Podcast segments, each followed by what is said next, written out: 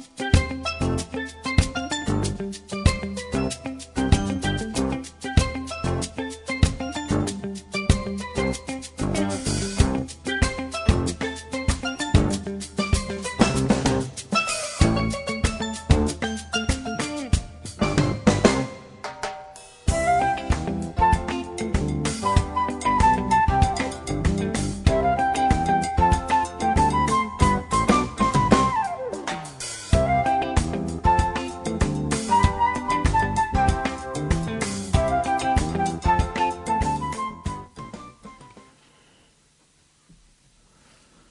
vi er atter her lintene, og vi er kommet til sendingen av bildet Langt.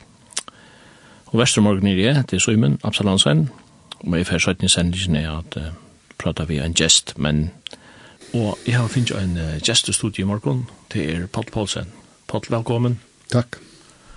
Det var godt at du ville komme, og jeg uh, nevnte før der at jeg kunne huske meg at Og i sendingen er at, at to sånne, jeg synes om Grønland, det er her du har valgt noe sånn, Ja.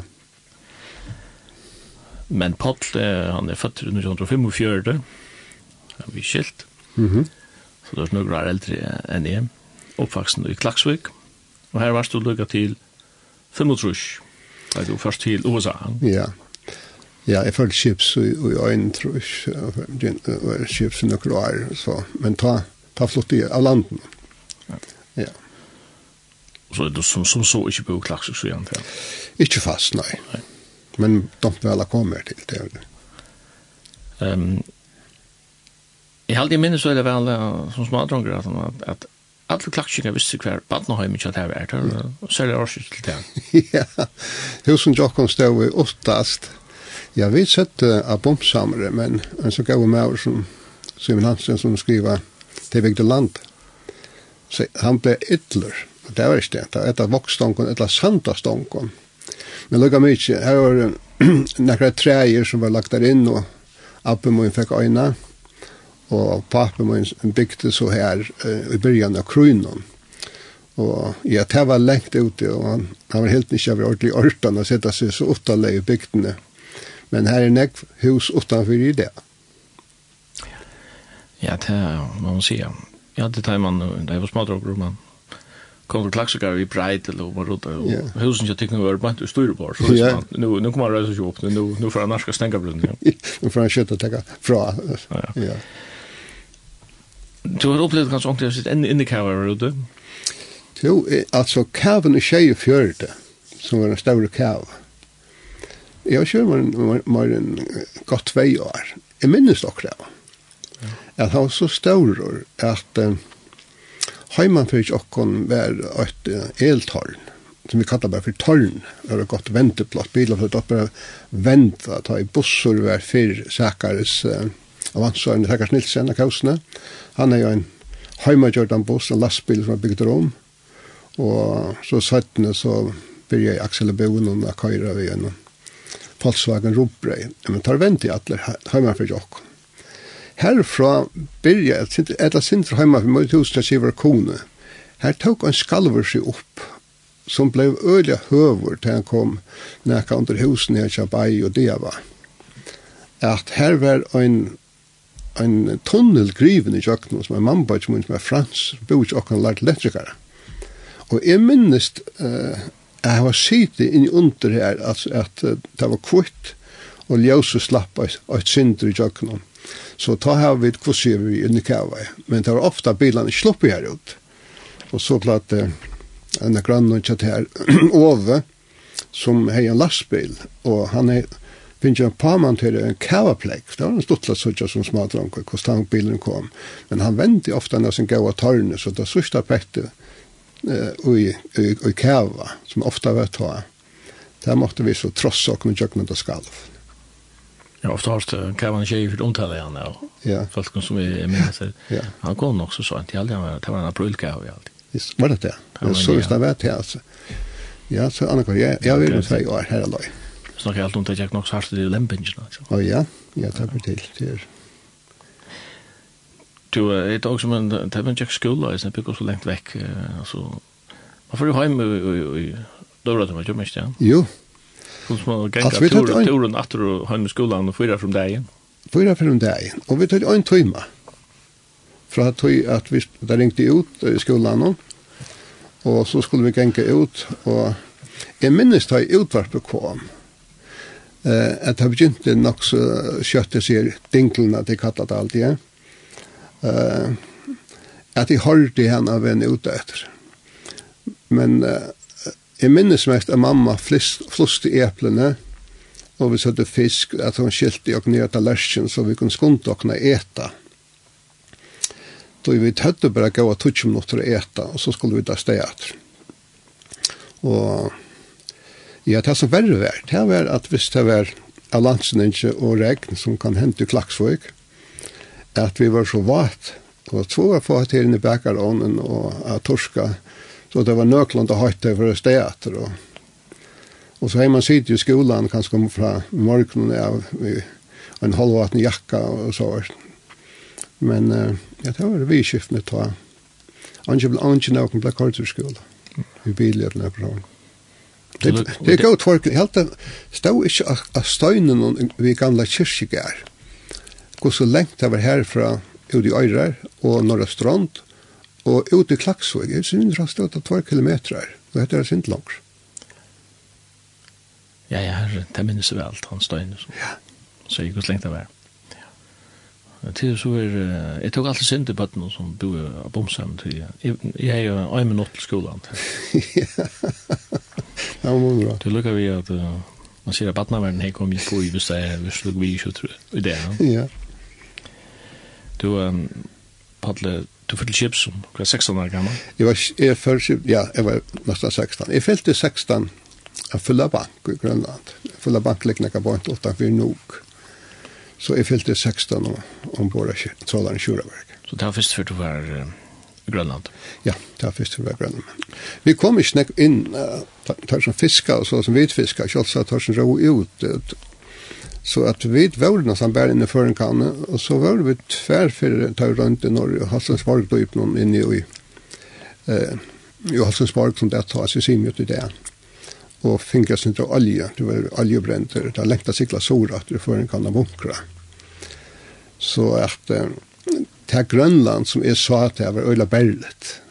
Eh, i til det Grönland som är i det så inte som er rettelig grønt, og her er i høve seihalte som er i Grønland, i Solgrønland, til større måneder, og æsne av, av vekkene, uh, ute av bankene, og ute ved Kjer og Helmar, og det som er inne, inne i fyren til, til Tolkvarsvitt.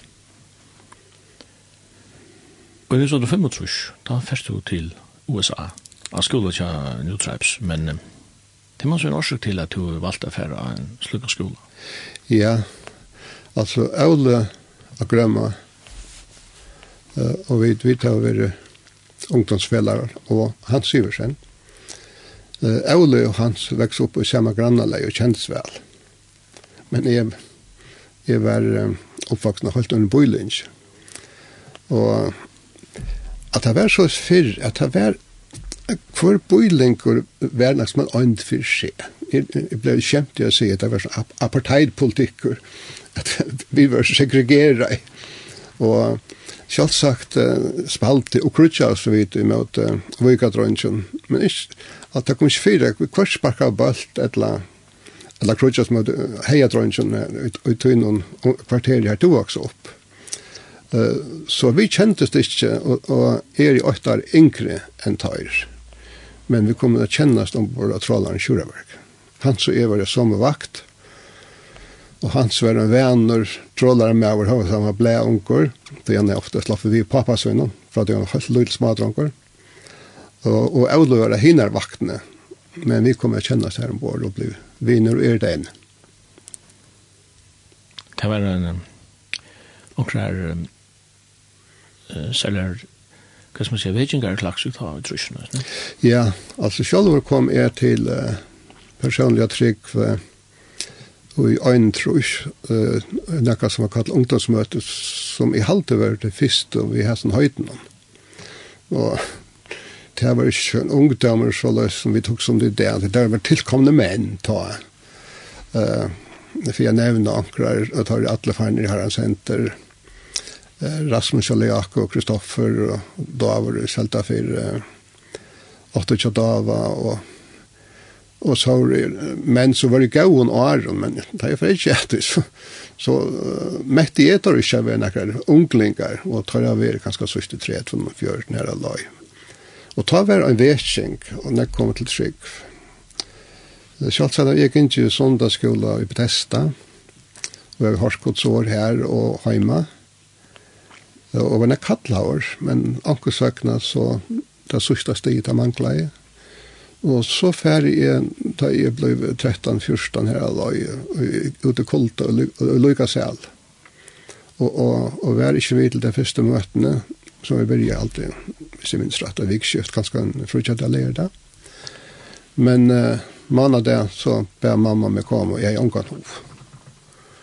Og jeg så at mamma var rørt, og jeg ville ikke sære henne, og jeg fyrir så at er pura lykka seler. Lyk Men ta kjente jeg hos Katla Nudjon og før så han møtte torsdag til forsøk det var så gøy. Og som uh, det yngste jeg for selv og mye det er før som søkjent. Og at vi møten her uh, kom til trygg med mine med og vittne som heter Edvin Danielsen.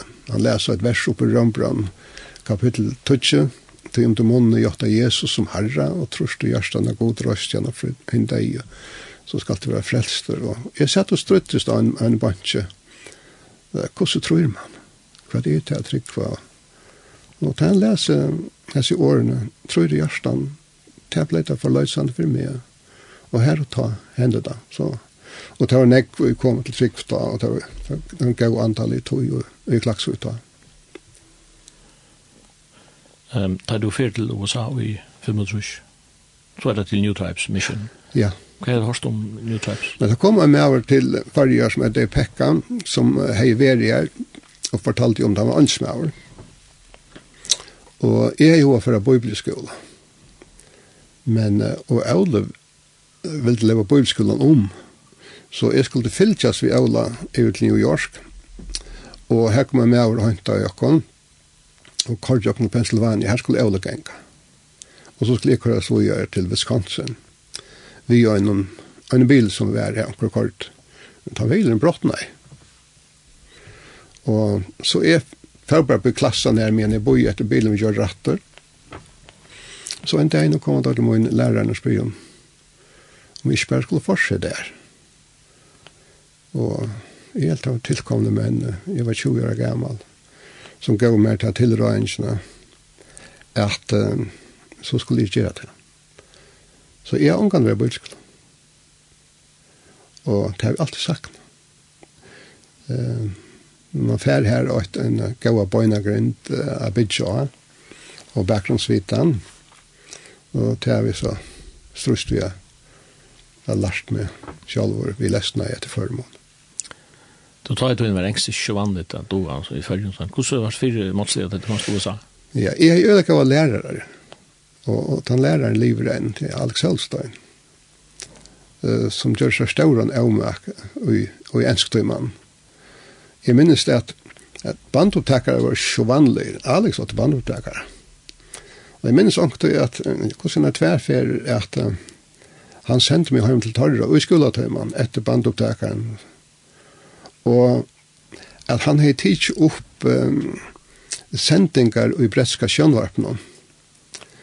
Og så skulle vi uh, mimika uh, intoneringina og uttalena uh, av, uh, av sin opplestrum. Og jeg minnes det enn. This is the BBC's home service. Here's the news. In Korea. At det var ordentlig engst.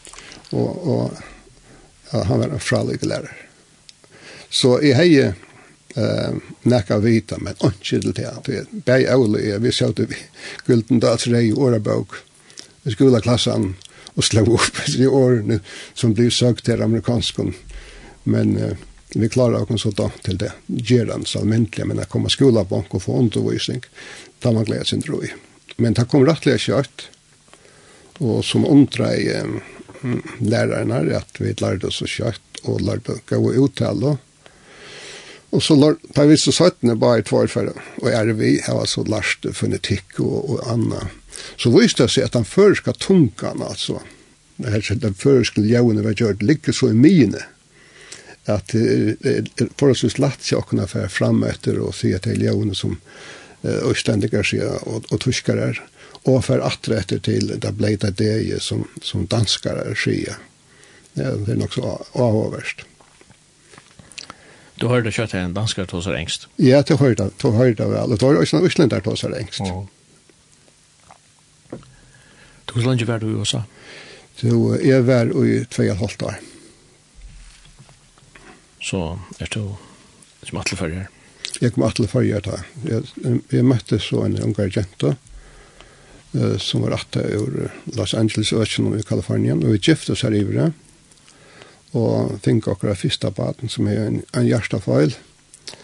Så vi kom jo hjem fyrir at uh, jeg får lakna hjelp uh, er det fargen og tog seg særlig om uh, det danske helseverket som var godt og er godt. Hon blev ikke årskommen. Hon blev ikke orkom, hon blev 11 måneder. Hon er en hjertefeil som lakner rundt at uh, han får på nye hål. Det neste det mangler nok snakk var en vetsje mellom hjertekommer, tve hjertekommer. Og tar rundt og gjør et inngrep her. Uh, det er at det røyna blau og tevar som var ansvar på lunken og for bare innat vi lunken i stedet for å ut i kroppen. Men hon tar jo stått at han har uh, operasjonen. Ja, hon er att Joy, hvis jeg minns. Ja, hon är Joy. Jeg minns godt jag for henne, Joy. Det finns så en nutja Joy. Det finns en nutja Joy et år sånn, ja. Og det finns jo fyra barn. Det finns fyra barn, ja. Men eh, Kati, eh, hon fikk ikke nekka lengt lov. Nei. Uh, vi tok, vi, vi hjalte med en, med en døtter og en kjøk, så hjalte vi Brindle, Sarepta, Sarepta startet jo opp. Og jeg er øsne var her når vi eier til vi står. Uh, men uh, så kom vi til Sintrutre, og Brindleif utvojer um, virke og Isarepta, så det hjalp til at det var en biblisk skulle vet vi hjalp til her. Og så begynte jeg Brindleif å ta som han skulle føre til Frakland som trobar. Og det var sånn lei upp till att vi ikke kunne fortsette, men til fall det inte kom men så är det att han vände til till Islands och han blir med komma vi och sier uh, vi han när det ska ska flyta då han blir så eifen komma i stein fyr och så er det at Brindlaf dör i september måned. vi har fjärsta i for för det nere missiones. Og så er det at jeg var byen om å fortsette, og jeg var ikke jeg var ikke skolaver og lærter til, til, til noe slukt, og jeg sier jeg skulle gjøre det firebils til en annen kom, men det ble nok lunch. Men så tenker vi et åtte år orlov i uh, 76, og ta hei i, i en 2-3 år vi i Grønland og hjalp han Siversen, vi tog som han byrja er i det. Så vi tog åtte år i Grønland, og vi har det er her. Blossar en sjukan oppvatter som hun er strust vi et år fra London til å krabbe. Og fra tog at hun ble sjuk i december man, og da i 1. januar, så det har øyla stått sjukra leva, nei. Og takk om du så til førre retter? Da kom vi til førre. Vi datt av fyra bøt når jeg åkt, 8, 3, fem og 6 år gammel. Så at eh, jeg sammenrankar ut ved at, at vi er her ensam at vi tar i mån. Og vær så ikke mer i, i knappt at vi er, Det er på at vi, Marion og vi døde, så at vi bøt sammen. Det kommer en tog at du lukker som leitar ivra til Grønlands, men... Ja. Til det var jo sånn bygd hus i havn, og ja, og ja, ja, enn i ja, ja.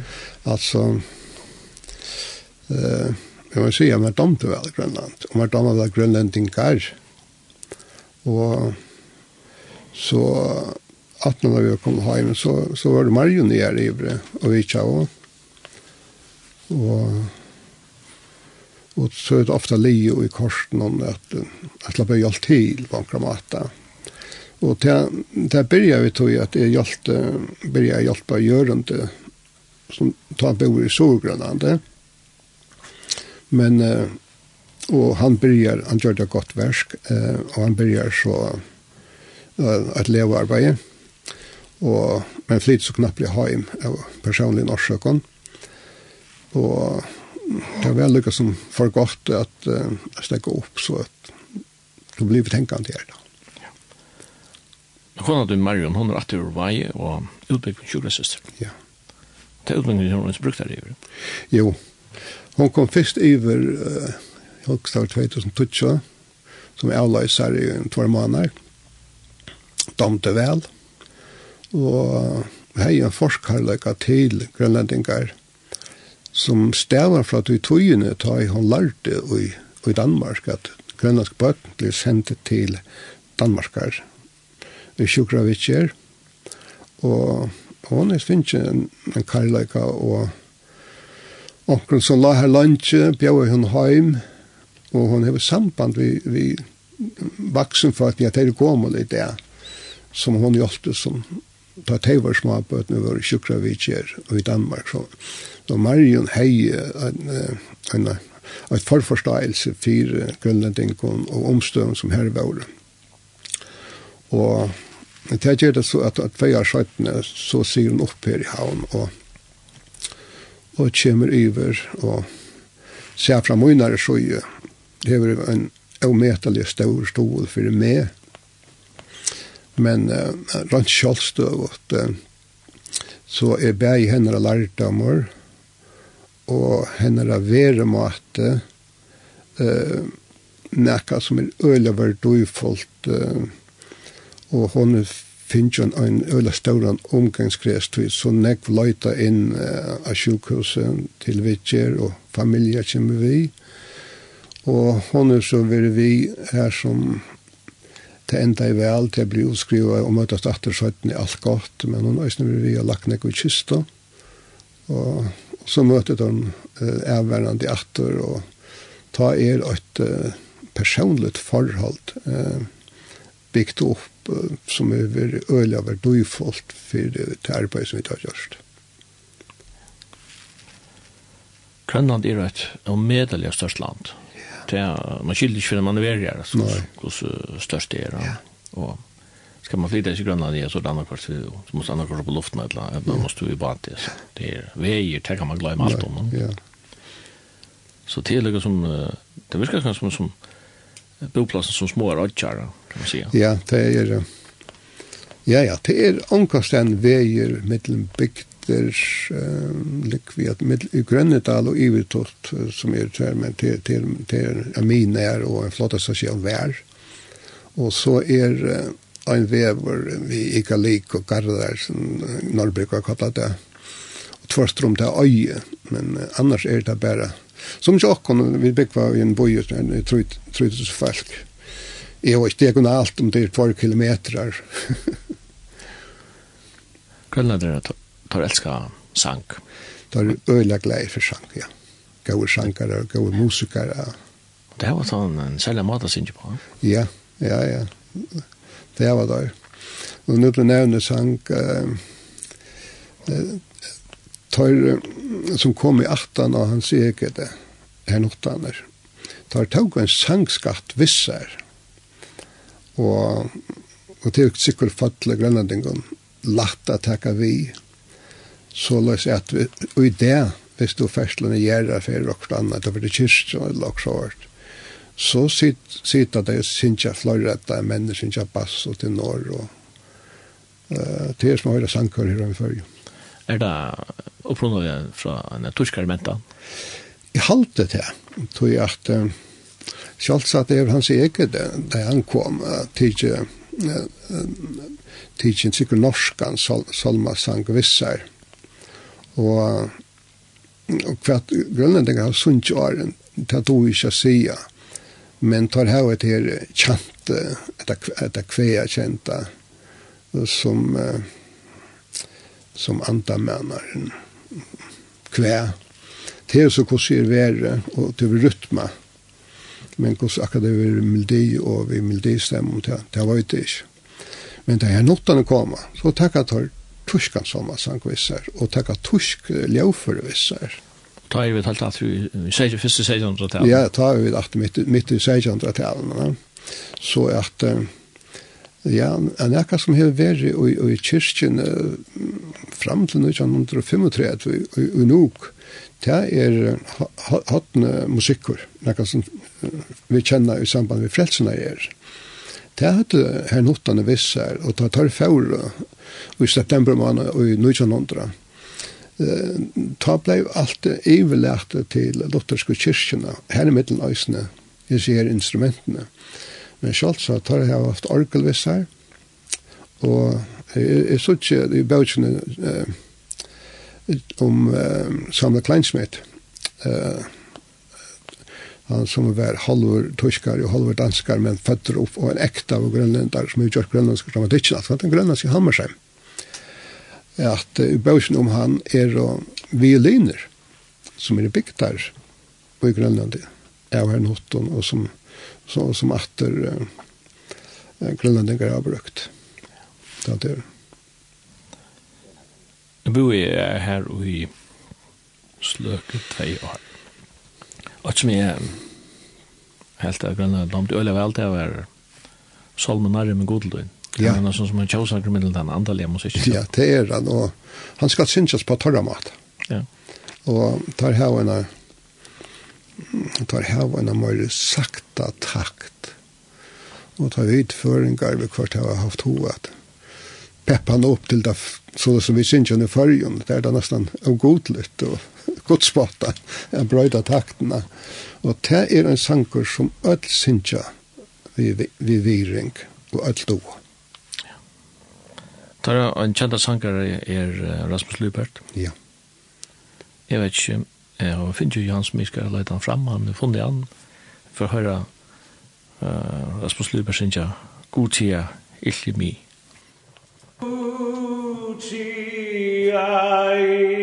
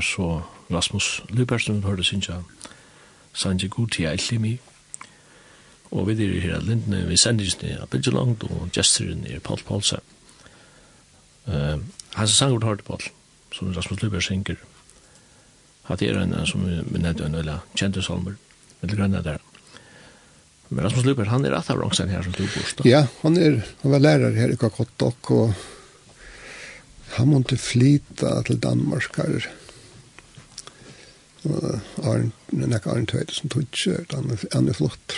Og, men han er mest kjent som, som, som sankar og, og, og metalev vel amter. Så da han kommer og hever sine konserter i Grønland, så er fullt hus. Og det er derfor så er det ikke i Danmark. Vel amter, sankar. Og her er han stått selvfølgelig i Ja, han er sin spesielle rødt og mat han synes på. Jeg kunne huske meg å komme inn på grønlandske søvene og kanskje selge troarsøvene. Ja. Og hvis jeg var atter til uh, Witchingatøyene, så uh, kom jo Witchingan her til, farger, og tok man til Oslands. Ja. Men tar halda løgene fram ja. vestrid. Så enda jo, enda jo i Kanada. Ja, ja. Altså, uh, hvis du tenker søvna til Norrbekkvon i, i i Osland, så Uh, så er det uh, Han var landsforvister ur Íslandi, Eirik Rey, Eirik, Eirik Torvaldsson, som han eit, fyrir mandrap. Og ta setran sær fire, at han vil kanna til landet som Gunnbjørn, sånne Rolf Krake, er funnet. Og, og til og sikkert vi Gunnbjørn skjer, sender, plassera, av vera, vi Amasiliklaen i Estelvinland. Han fyrir så tvers om fra Øysafyrir til vi. Og etter i Arne 1922 fors, Og han er landsforvokst i tru år. Og han har så rau og etla silt uh, soretter, og møvle er Grønland inni og inni høytare tui ta enn 17, at det kommer en sånn lydel uistui, uh, 18-1300 uh, herraløy. Og han er så, er så færden uh, sord om kappan, og er ondrest iver at uh, han vi en en fær en en båt som er ikke en ekstra en stor seksarenker klarer å finne alt det som han fann. Og det var ikke dagsbater? Nei, det var åpenbater. Og eh, det første vetren sikst at han bosette seg øyne utenfor Narsak. Og han har kanna så mykje, at han fann nekka som er best og nast best, så løys at da han trøyar skjøttene i 1945 for heim, så sier at han oppfann navnet Grønland, han var gav Sølemar, at han ville selge etter landet som, som, som er noe grønt og, og, og godt land. At han hei, sier brukt i år, kratta seg det beste, det var Brattaløy, Asjasok, som ligger bort i av flåvøtlen og innan Sjarsok. Men så nast sa det, Einar, han fikk så det nast beste. Det var Einars fjør, som ligger sår etter. Og så ser man, det som i hierarkien som tar hver veri innan fjansere vinskap, så er han dolt ut uh, sår etter.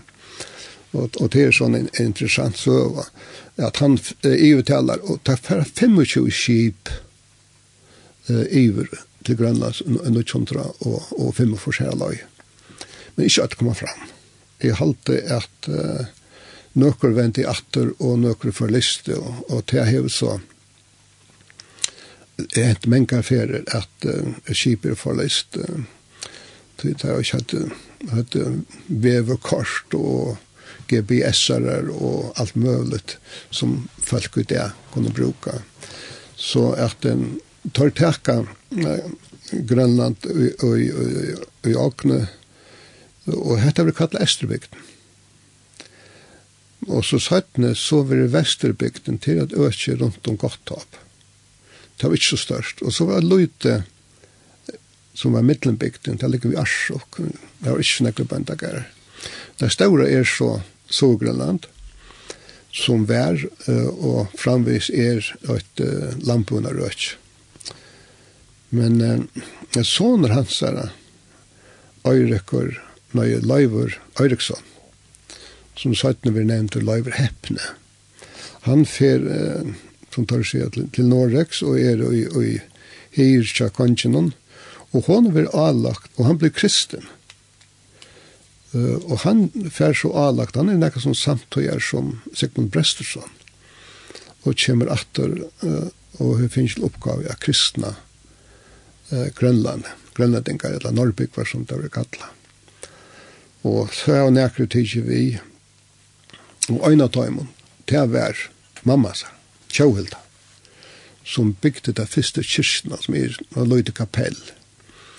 Eh, men papen, han ville ikke takka vi. Han, han var en slags frendre gøtt, så han var imot det. Og det er sikkert at det er dølt og kvarsi bor eller etter at han var, men hon ville ikke arka mannen alt for nekv. Så at uh, hon bygde uh, kyrkjena uh, så at han sast ikke direkta ur uh, kaksvindea. Så hvis du erst i, i Brøttelo i Karsjarsok og sart lautene av gærene så så er greia og, og jeg er alltid så sant som i 1905 så jeg tar grava ut for en skola Og nu kommer det knapplega nira, altså han lauter av, av, av menneskene på inn. Og så vil det utgang stekka og fattfrøynga komme. Og nu har det er det kommet nir av kyrkjegæren, som er rundt om Tjøvilda kyrkja. Og, og, og det stender enn, eurørst. Men så har det bygd en replika kyrkja, nekka vi sujina som skal fyrstidla av vera Tjøvilda kyrkja. Og Så hatt her er byrjanen til kristnina i Grønland, uh, og, og det var så katolikkar. Att det är så man förlorar här av kristna och norrbyggvarna. Men så, så spelar man, hver er det under mittan? Eller ska måla med det? Liksom. Ja, alltså först när det här sövn åter så är det är det återkört åttan åt, men så är det flera färre att eskimoarar har varit det är kalla Independence 8, Independence 2, Dorset og sørsta til Tolefalsk.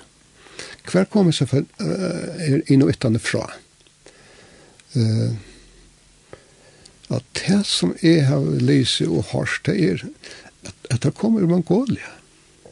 Det var færast i med Kina, færast og fram i strandene, opp til uh, Beringstrætet, færast i Rom, Alaska, og færast uh, tvørstrom.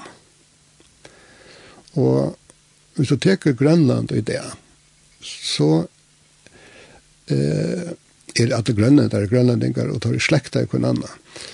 Men det som eh, er Rei ikke er det av, det er at det er folk i Esreland, Eskimoere. Og det er så store moner av malen om at Esrelandingar og Vestgrønland skiljer ikke hverandre. Er det sånn næst dangst og morst eller så? Ja, altså, det, det er dialekt noen, jeg vet ikke om vi kan bruke uslengst, at vi, til, til samme råd, men til så store måneder, at i almindelighet så, så skiljer vi skolen. Det er lettere å lese og skilje østlengst sjokken enn det er å skilje at det er tale. Jeg vet ikke om, om det er en god sammenbering. Og så kommer en nødt falkafleiting. Og hun kanskje kommer akkurat om det samme måned som Arik Reie er i Sogrunnen. Da kommer han tar i norr. Og tar møtast eh, kanskje i 1100 årene. Ta og i Norrbeka fra Vøye for norr i diskobokna, som tar kallar for norrsetter. Og, og ta møtast skrælingen fyrir fyrste fyr. Og, og, og tøy kallar det kaplenægut. Eh, Men det kommer langt, langt sår etter. Og uh, så må vi fære inn og grønlandske sakner også for å fylle seg hvordan Gustav har møttes. Men det typiske er, hvis du teker savn grønlandske grønlandske saun, eller fyra bind, så er det nok så typisk å møtes og er vimmen. Og vi går ikke til å klare å kommunikere til oss. Eh, så eh, så bjøver eh, annar av og, og, og til gjerne Norrbyggen bjøver av til kappast. Men vi vil ikke. Men så endelig etter nu etter man vill så skulle vi fære. Men grønlandingen vinner. Så det er det alle søkene. Og ta stend oppstend ildstøv. Och så till med drap. Ja, fra tog at det är nok typiskt. det är sånn grønlandsk eventyr. Og gå stakkar det vi er til, der lukker vi ikke ordentlig av høyt. Men, og en tria, det er Tolofalsk som faktisk Knud Rasmussen uh, oppdeger, som Tol er holdt for sent fram til første i 1800-årene. Første i 1800 til sørste i 1800-årene, at, at, at Knud Rasmussen gjør sånne ferie her oppe, han er født til oppvakten i Jakobshavn at uh, til et annet folk, og det kommer ur Kanada. Det var flott bort først rom, det var en stamma. Og jeg har ikke sagt samma mål. Så i hører det at uh, och og eskimoarar ur Labrador eh är noen av vårt. At uh, det er så mycket närsläkt att å skilja hverandre. Men du, Norrbryggan er jo grønland, i några hundra år, inte kvar 13-14 hundra här och där, då vet man det samband. Och det var bo flera tusen nöjpekar i Grönland. Ja, en 5 tusen. Tre, mittel tre, 5 tusen. Det var bara det mesta. Ja, ja. Och klima har ju säkert varit höjdare. Ja, det var man ja. Men så knappt ja, så är det inte samband mellan Osland och Grönland. Ja. Och helt fram till 1621. Ja, ja. Man, man har det bara från skriva om fra søknån og fra vidskriven kjeldån. Ja, altså det som hender i middeltøy, altså hvis du bakkar sin rattor, altså så er Østlandinger så øyelaga og søvskrivar. Og, og, i den østlandske uh, sagaen, som er ofte er nyskrivar av, av larton Østlandingen, tjørna preston, uh, 100 til 200 år, 18 år, at det er hent. Så det er fra fra månlige frasøkene og minne det har vi skriva, nu tar det sin skriva, nu blir det så, vi jeg åkken kom at han som nu stendt det skriva, at han skriva, skriva jeg, nu stendt det her, som, som sannløysen, og så spør jeg hvordan korrekt vær alt. Men eh, jeg synes også kan nevne at eh, Grønland blir katolsk, og katolska kyrkjan færre større, større vald, og større større åkner, men ta, og fikk han en, en, biskop, men bæt han første biskopen boe i landet, og til mulig han der har funnet eh, under domkirken i, i Galiko. Men så hørte det en oppsittare, en sånn en officiale som heter Latoine, og en som heter Uivar Barsson i 1300 årene, han uh, ger en uppger över alla ognunar till kyrkene. Og hun er rettelig avhaver, tog hun stedseter hva kyrkjen er era, og til etter kyrkjer og tvei kloster, og, og så setter han nøvna. Og nå tror jeg at nøvn ganger atter ur, ur Ísland, og nøvn vi, vi kjenner før, og til og vår, det, det, det finnes det i midtelen, og så er det ikke sånne, eh, navn, og så er det somt er oppkattlet etter eh, hvor nye sete, først nye med åren vær.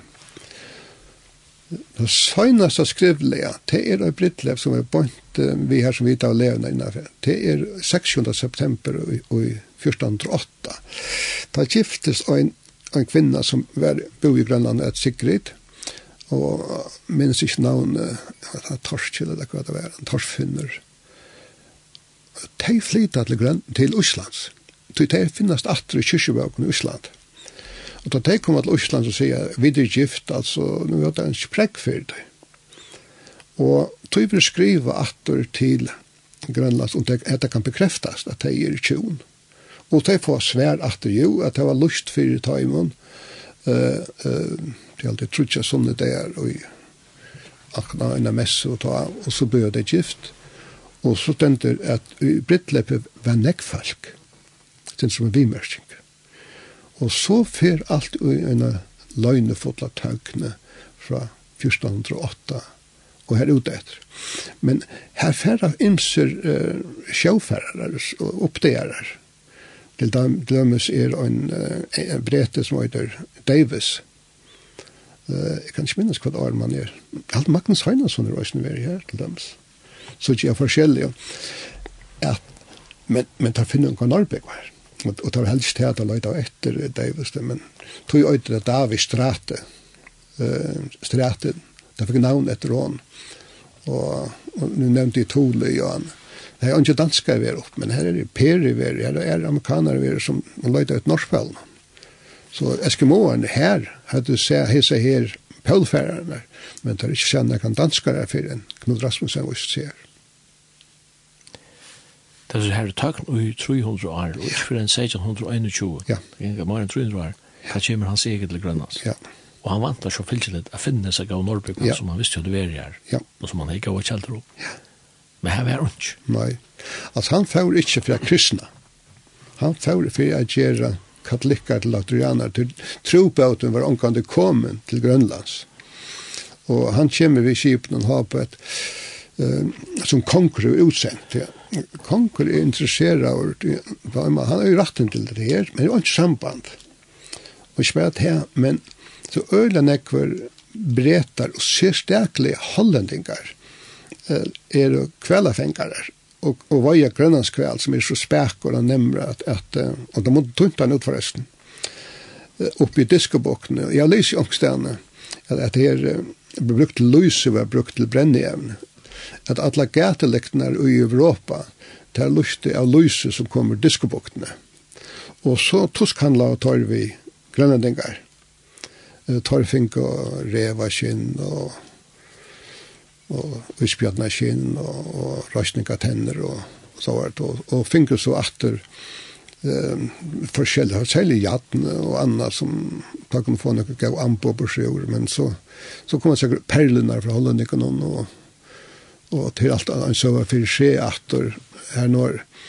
Så kongen interesserer av stola han, tog at så vi kunne kongen kunne få fjautafeste, og her er det bare der i middelen hollendingar og danskare er byrja vi.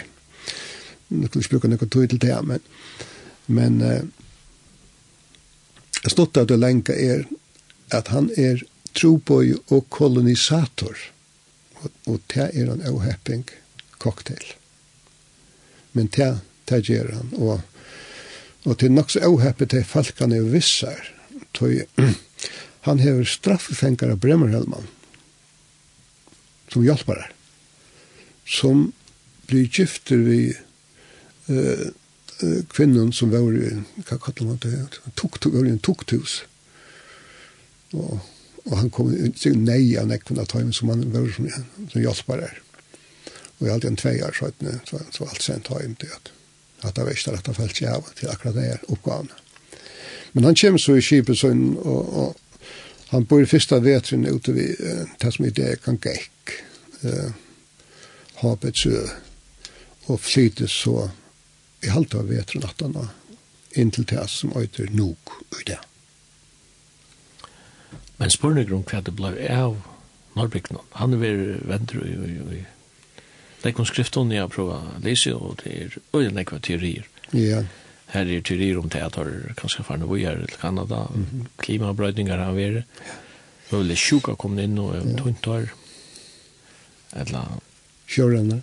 Kjør, ja, og, og konflikter vi skal move måvare, ja. altså, og alt ja. det. Det kan også være kombinasjoner og sånne ting. Ja.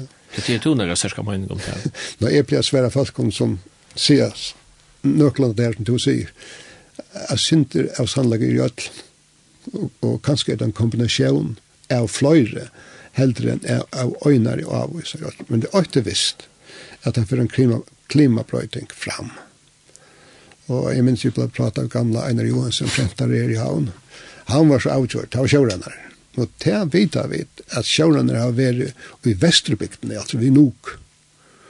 Og at, at, at, at sambandet mellom Esterbygden og Vesterbygden minkar og tar ur Esterbygden senda folk norr. så tar det at jeg finner til øyne mannen litt i fjøren og til Horstom, Dejan, og, og han hever slittna knov i håndene. Og at uh, husjørgengen renner rundt vill. Det er kun til tvitt på at sjørennere. Det var verre, jo. Og det er forskjellige teorier, men og vi tar øyne Ja, alt det som du har sagt, ja. som jeg nevnte er i satt. Jeg sier jeg rent jo, taler du så begynnende til til uh, kolonitøyene? Ja. Men um, han kommer her i, hva skal man si, reformasjonen. Ja, han sier det. Ja. Men uh, noen år siden komme tyskere her til grønne. Ja, altså, tyskerne kom i 1633. Altså, til 12 år 18 år. Og forsøvann til det er at tyske grøyven Sinsendorf, Nikolai Nikolaus Sinsendorf, er skiltur vid danska kongen.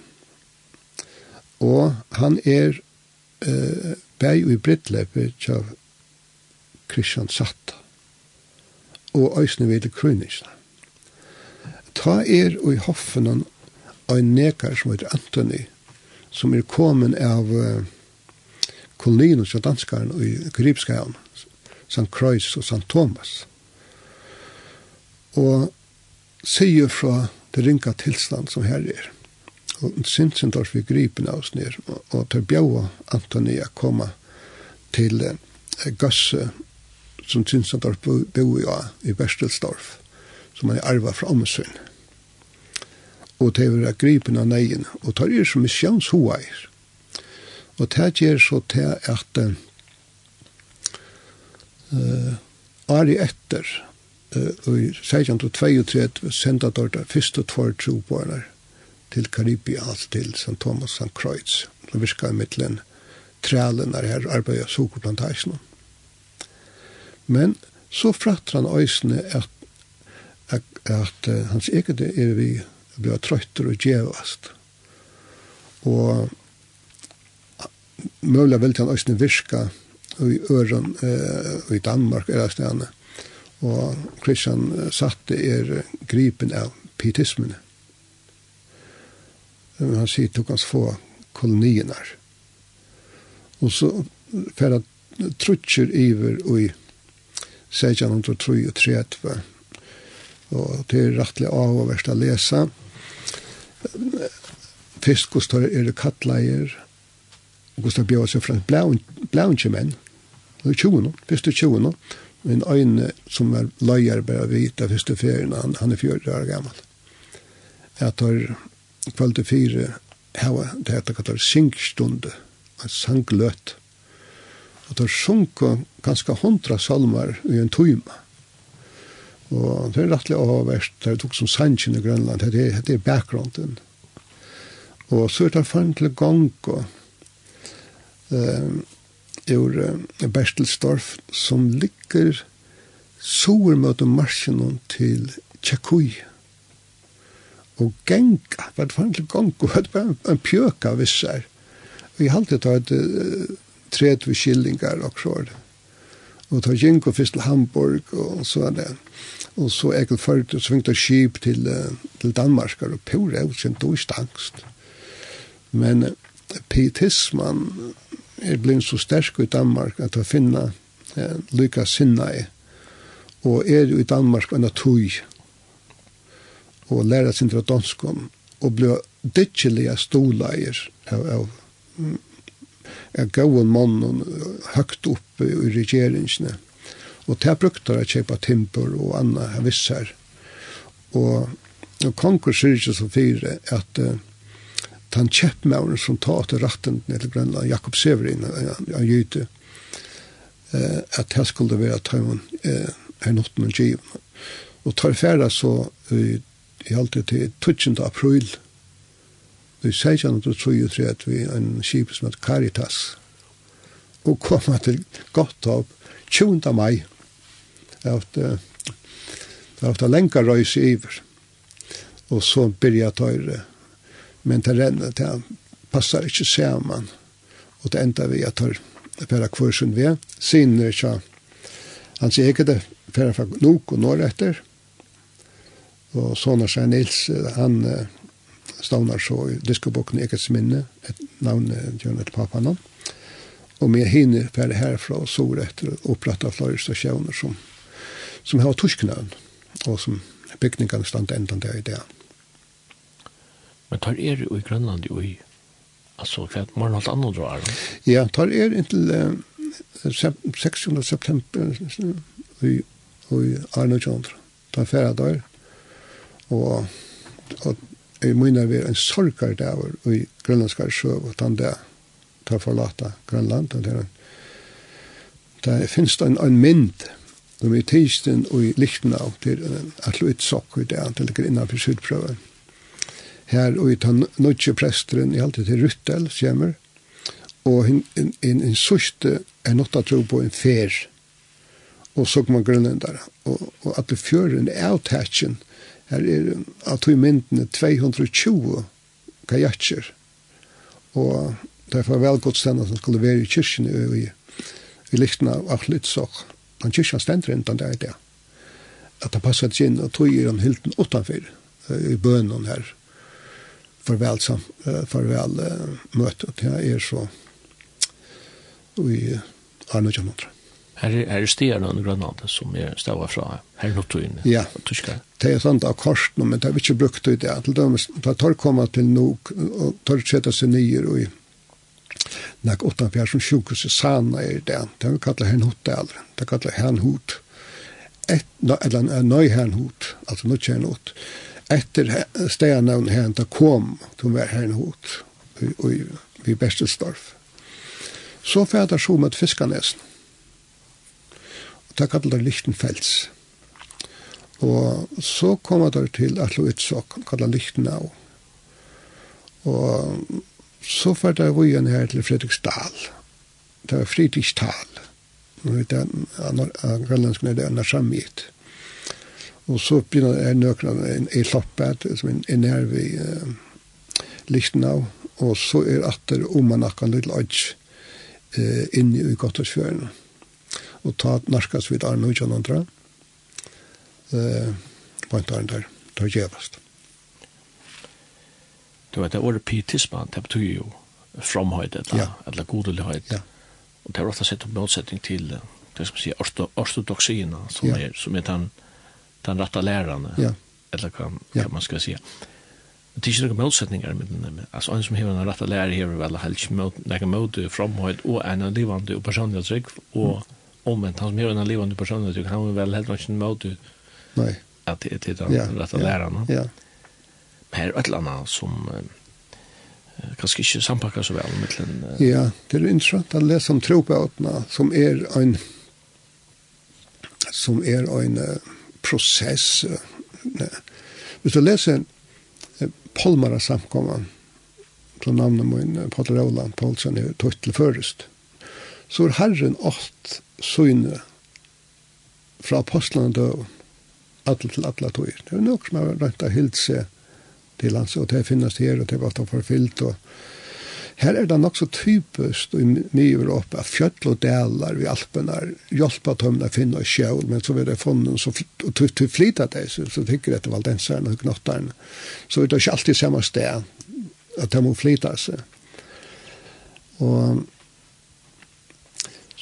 så kommer kanskje vil si at um, Wycliffe i England i 1300 årene er byrjan, er, er, er morgunen til trobøtene. Og han dør i endan av 13 år, men han griver opp på 1415 at han har funnet den i Konstans. Ta og Johan Hus vil brente av bal. Og så har vi et uh, Tindel, og vi tar og er, det er store menn. Men så kommer Luther, ta i han uh, negler sine teser opp av kyrkjedittnare Wittenberg. Mm Så hadde det alt en prosess. Og nå sier jeg, nå har vi finnet lærerne på plass. Men løyve mangler, etferden. Og ta er det en professor knyttet til universiteten i Halle i Tyskland. Uh, som er litt som undanganger med Franke, uh, at han har kommer spener. Og det er interessant at uh, en den tredje ui personeren som er stola atla hesa til Amma Sinseborf, som var ryk og som finansierer i sånn ekva misjonsversen og så Sinseborf, Sinseborf arvajana. At uh, hon stola atla hesa og, og herfra fer henda her Røsland, hon, og jeg leser at hun grøyna seg fyra det detta uh, reformersta pietismen, og du hever det lutherske pietismene, du vet det meriske pietismen, så er det en fjore jeg glant og sånn at. Men uh, lukka meg ikke at øysene til kommer til Danmark og er, er nek, nek, nek, nek, prestar og selv konger er avskaver av, av oss ned. Man leser om at, at uh, hvis tyskerne var i Amerika ja. og det hadde misjonsvirksomhet her. Ja. ja det kom på et tidspunkt en åndsmæver i her, at det drøy misjonsvirksomhet i Georgia og i USA, sier man til. Ja, ja. Det var jo en etskolen i ta. Ja.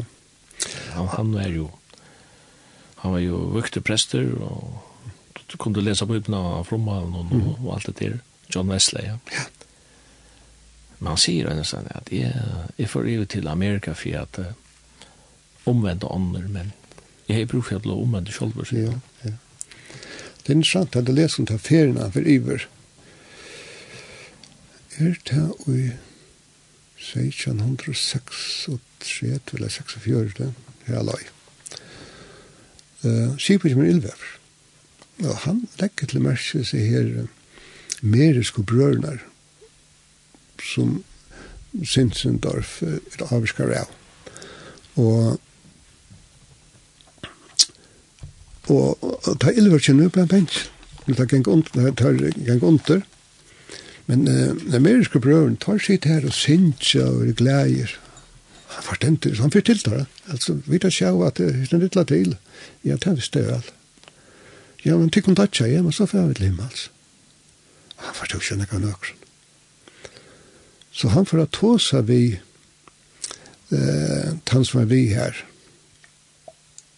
Ja, det var båler som var vi. Og han fyrir så til Georgia som tropar. Vi skal her tvei år. Og, og han forstender ikke. Jeg tale for i øren, er at så døme, han skal, han skal vi øyne fenka, som er dømt til deg, han skal ankjast, og som prester skal han være kjastatter. Og han leser fyrir jeg snir, jeg lukker døyren, de skal hansjast nekka minutter fra søkna om rannsmanna krossen som sier minst til måned at det kommer rujtøyen. Og rannsmann, rannsmann er et avlukka, han, han blir frelster. Og og vestlig sier, men ånder hava det, jeg hava det ikke. Jeg taler, ånder få det. Jeg har det sjølv. Jeg kan ikke være tro trobar. Og han får heim. Han gonger frileser og valar av gøtene og i, og i London. Så stikkes det på han at uh, det er en samkomma av meriskom brøren. Og han fyrir funnet seg tøymen i alderskeit. Og jeg kan skal sin søgner, talerne byrjaur, han leser man skriptet, og, og taleren tåsar om rambrav. Og han leser bortur ur kommentaren om Charlotter i rambrav. Han leser inngengen, sitera det. Og medan han leste det, da kom Guljausi opp oppfyre. Wesley. Wesley. Og han fyrir så heim, og, og i der pausen til hånden stender, I felt my heart strangely warmed. Altså, jeg kjente en åndalig hita i min hjerte. I felt I truly trusted Christ, at jeg kjente av meg at nå trygg vi er sannan av Kristus. Det var en ventepunkt i hans løy og en, en, en store eh, mannen og i, og i enskar eh, evangelisasjon og samkommensøv. Og, og det ble en, en, en, en vinskap i middelen han og meriske brørene. Og, og det avvarskar så den salmasangen som vi da nevnte Johan. Mm at tuskur salmasankur kommer inn i enska salmasanken, samståndet som, som enske salmar fyrir iver i tuska salmasanken. En kombinasjon av her som fyrir Grønlands, og da du leser om hvordan skipene sikler i Grønland, så ofte leser om de sikler norra for Hetland, alt det har sett her sånne for jokken. Og så færre hesser salmaner, som vi tar så kärar och känna i för en kurs i löjen, ja. Det är för för på i och och det är väl sunds i Grönland, är det sunds ner. Och Grönland är att ha få biblarna av mormalen. Ja. Och så längt är för kan. Ja. Alltså Grönland har haft tro, samma trobolag som vi i färgen. Det har skriftmal. Och eh, ta er så ein, han øyter Johan Konrad Kleinschmidt, som fær til oppgave at uh, tog tøye nødsestament. Og det gjør han om løy 1820, her, her løy han. Nei, det er sin 17. Ja, han medveren arbeidde, bo i, og, um, og i liktene av brev, og han var han medveren som stående i stasjonen og i Narsamjet og i Fredriksdal. Mm Og bant Arne han dør er manuskriptet livet. Han er sendt ut. Han er så pape til Samuel Petrus Kleinschmidt, som er en øyne sante person. Tøy, han er et multigeni. Multigeni. Og han gjever ut uh, bøkene av tyskene uh, grammat slik grønlekker sprak at og så et øytron. Og tar køn å at uh, tan malæran er kvarskje bygd opp på tukst, tuska malar, og jeg heldre på latun, men opp på ekta av han grønlandskan huksnarat. Og han gjer så et skriftmal. Og uh, tøyer så større parten av gamla testament, men samme kleinsmitt døyre i sånn seks og fors. Og, så var det nekre vimmen, Kjolts Lorentzen, Rasmus Bertelsen og Ære Sjåri, som menta menn på seg av i Grønlandskon Høpe, som er knyttere at seminarien i nok tar gjerra så resten av alt det mangler akkur jobb og akkur salmar. Så at all grønlandska bøyblen kom ut og i 1893.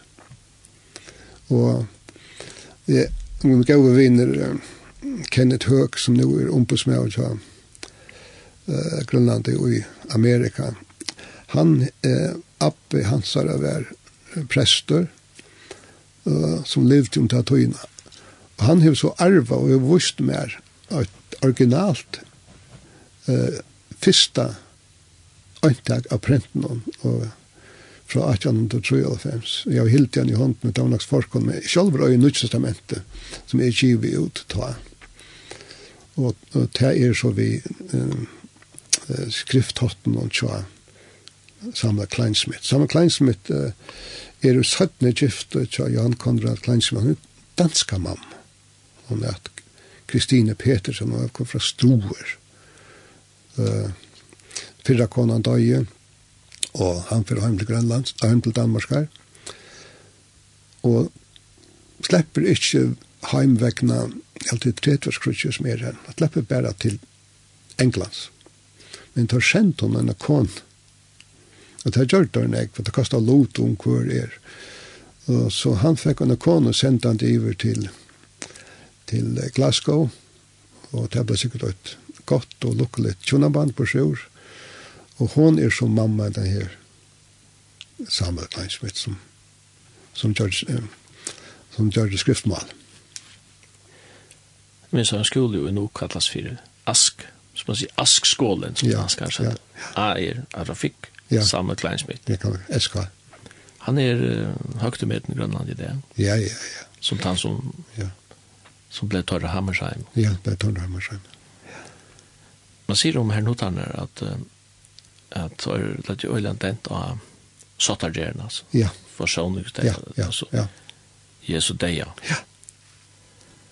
En, uh, en av salmen tja, Sinselof, han skriver en ekva salmer. Ja. Det er den første salmen, Jesus tog blå og rattvise. Mm. Ja. Uh, Han er en skån, Jesus deg, blood and righteousness. Ja. Så det var utgaver i øvrige av henne, han men ikke sunnkjøn. Ja. Men ekva salmen, jeg synes ikke prøv hitja, ja, uh, av netnån. Ja.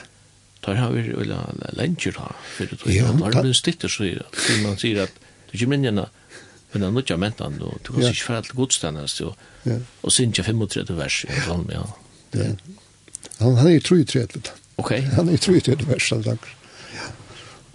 Jeg har prøvd å lete etter honom, og jeg har funnet ned, han er sjålande oms, eller han er sjålande yrster opprunnelig av tuskon. Ja. Kristi blod og gerektlighet. Ja som uh, synes det er frivrist. Ja. Vi kan forhøyre han ja. av Tushkon. Av Tushkon. Ja.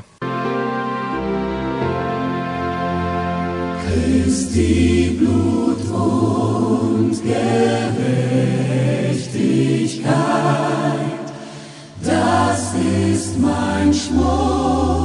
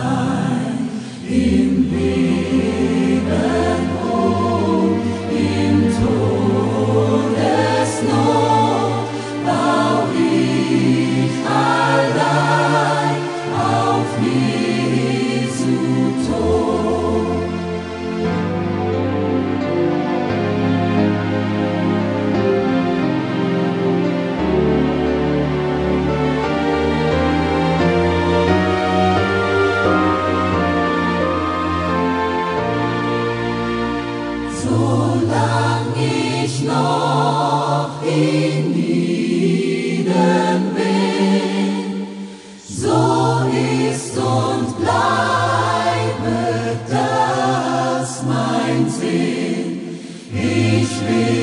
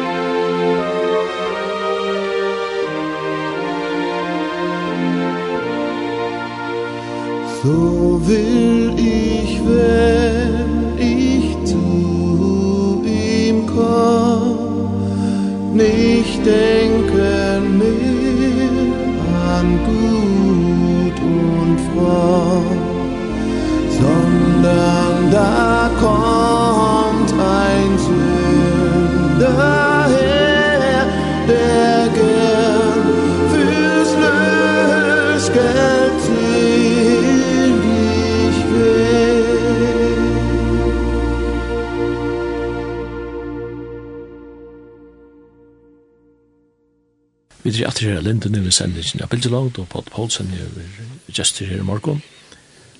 Og vi skulle så til en runde av nærkast kjøtt her, her var vi til vi i Øyla vi var i Grønlandet, og England, og Torsland, og USA, og hver var det, og to som om misjøen, og her notarar, og alt mulig. Og som jeg Og som ikke kan det være vi også om på Pottleit det kommer til at det er at ferast til Grønland, så sier han noen tro og tror jo tredje eller hva det er til navigasjonen og alt det där. Det har du färdats. Man kan sikkert alltid finne det om man går så norra le och så sunna le ner vi vi vi solen så. Ja. Men du er är väl spejling också längt öster väster du er. är. Til deg sikler alt det her. Ja. Det er uh, en avbjørn erbjörn så själv alltså man man man då ju seg så här det där kan man. Ja og bor en kibio satellitkommunikasjon, og du, du kan se for fyra-fem decimaler, så kjører hver verst. Ja at det vil, vi løy noe som innsats er at det er ferdig til det no? Da man jo, også med her notar med færre og grønland til vi nu gjør noe, og akkurat nær sånn, det var ivgjøren til den lutherske kyrkjen. Ja, det ble gjort en sånn med alle vi tar som forhandla av. Det var finnes samsynning for bygningene i Kran og Øyron. Men så er det hinn akkurat til å være uh, til å være bøyblian, som det finnes jo uh, i uh, 1893. Og, og så er det sangskatteren som, eh, som her notaner etter Finche og eh, til landet og Og også instrumentene, til dem som hadde brukt uh, haten som, som uh, presenserer brukere. Og jeg synes ikke at jeg er, er, er bruker i kyrkene i nok fram til 1935 og, og det var åndelig for kjølsa var orkle, men jeg så ikke også vilinere enn ta bygder og, og, i Grønland. At sannsjener skulle være åkn til grønlandska følgjene. Og tog finnast i kyrkjesalmabøkken i det i Grønland.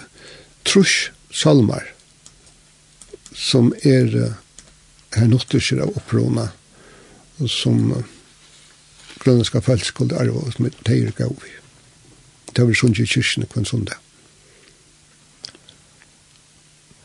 Nei, vi brøtt at lese tøyna, men altså bådskaperen som han tar kom i om Jesus. Ja. Og han sa det blå, han sier rettvise.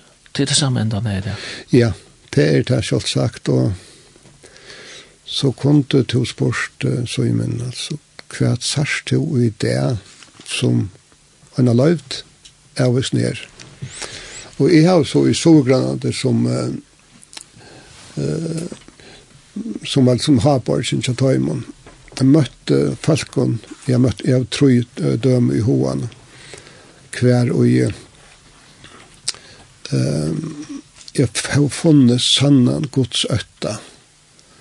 Og da jeg har spurt inn til dette, det er at det har vært for meg, så finner jeg det i at jeg har Abbe og Amma.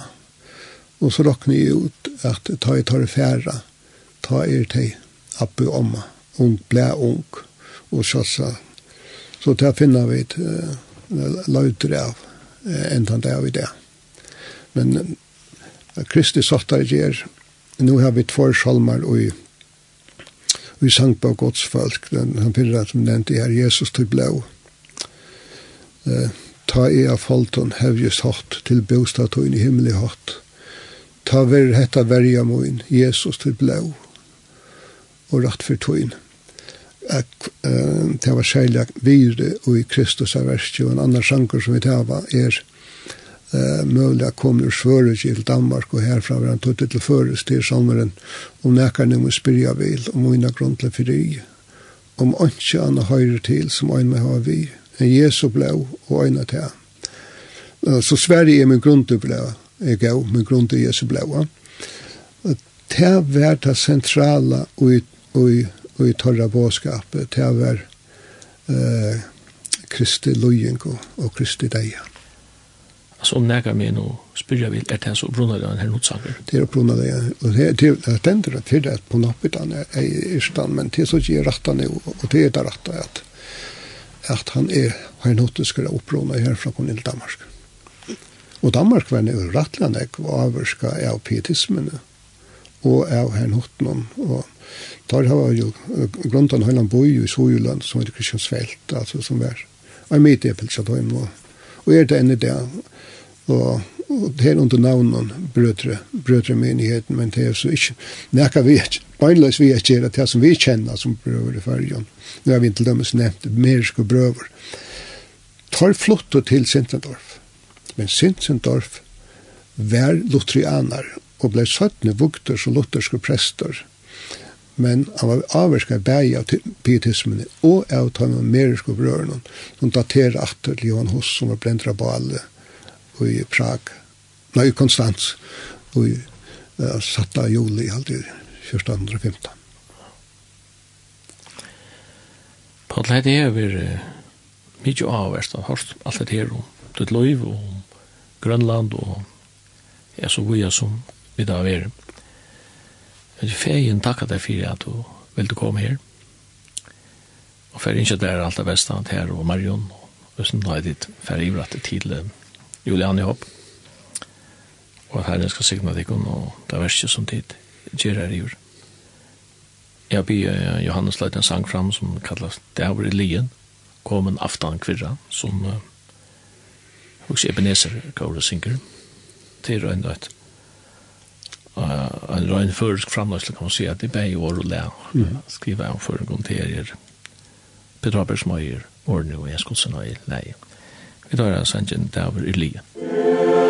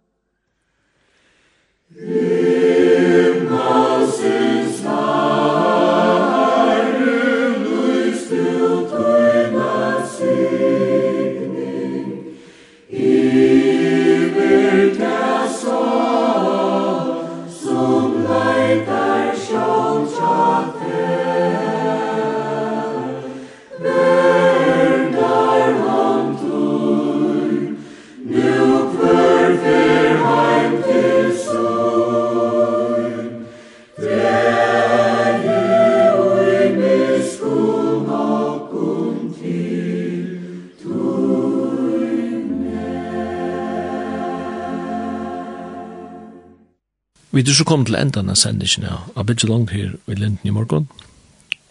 Værste var jeg, Simon Absalonsen, og gestere i morgen var Paul Paulsen, og fyrtekniksen så Johannes Miskær.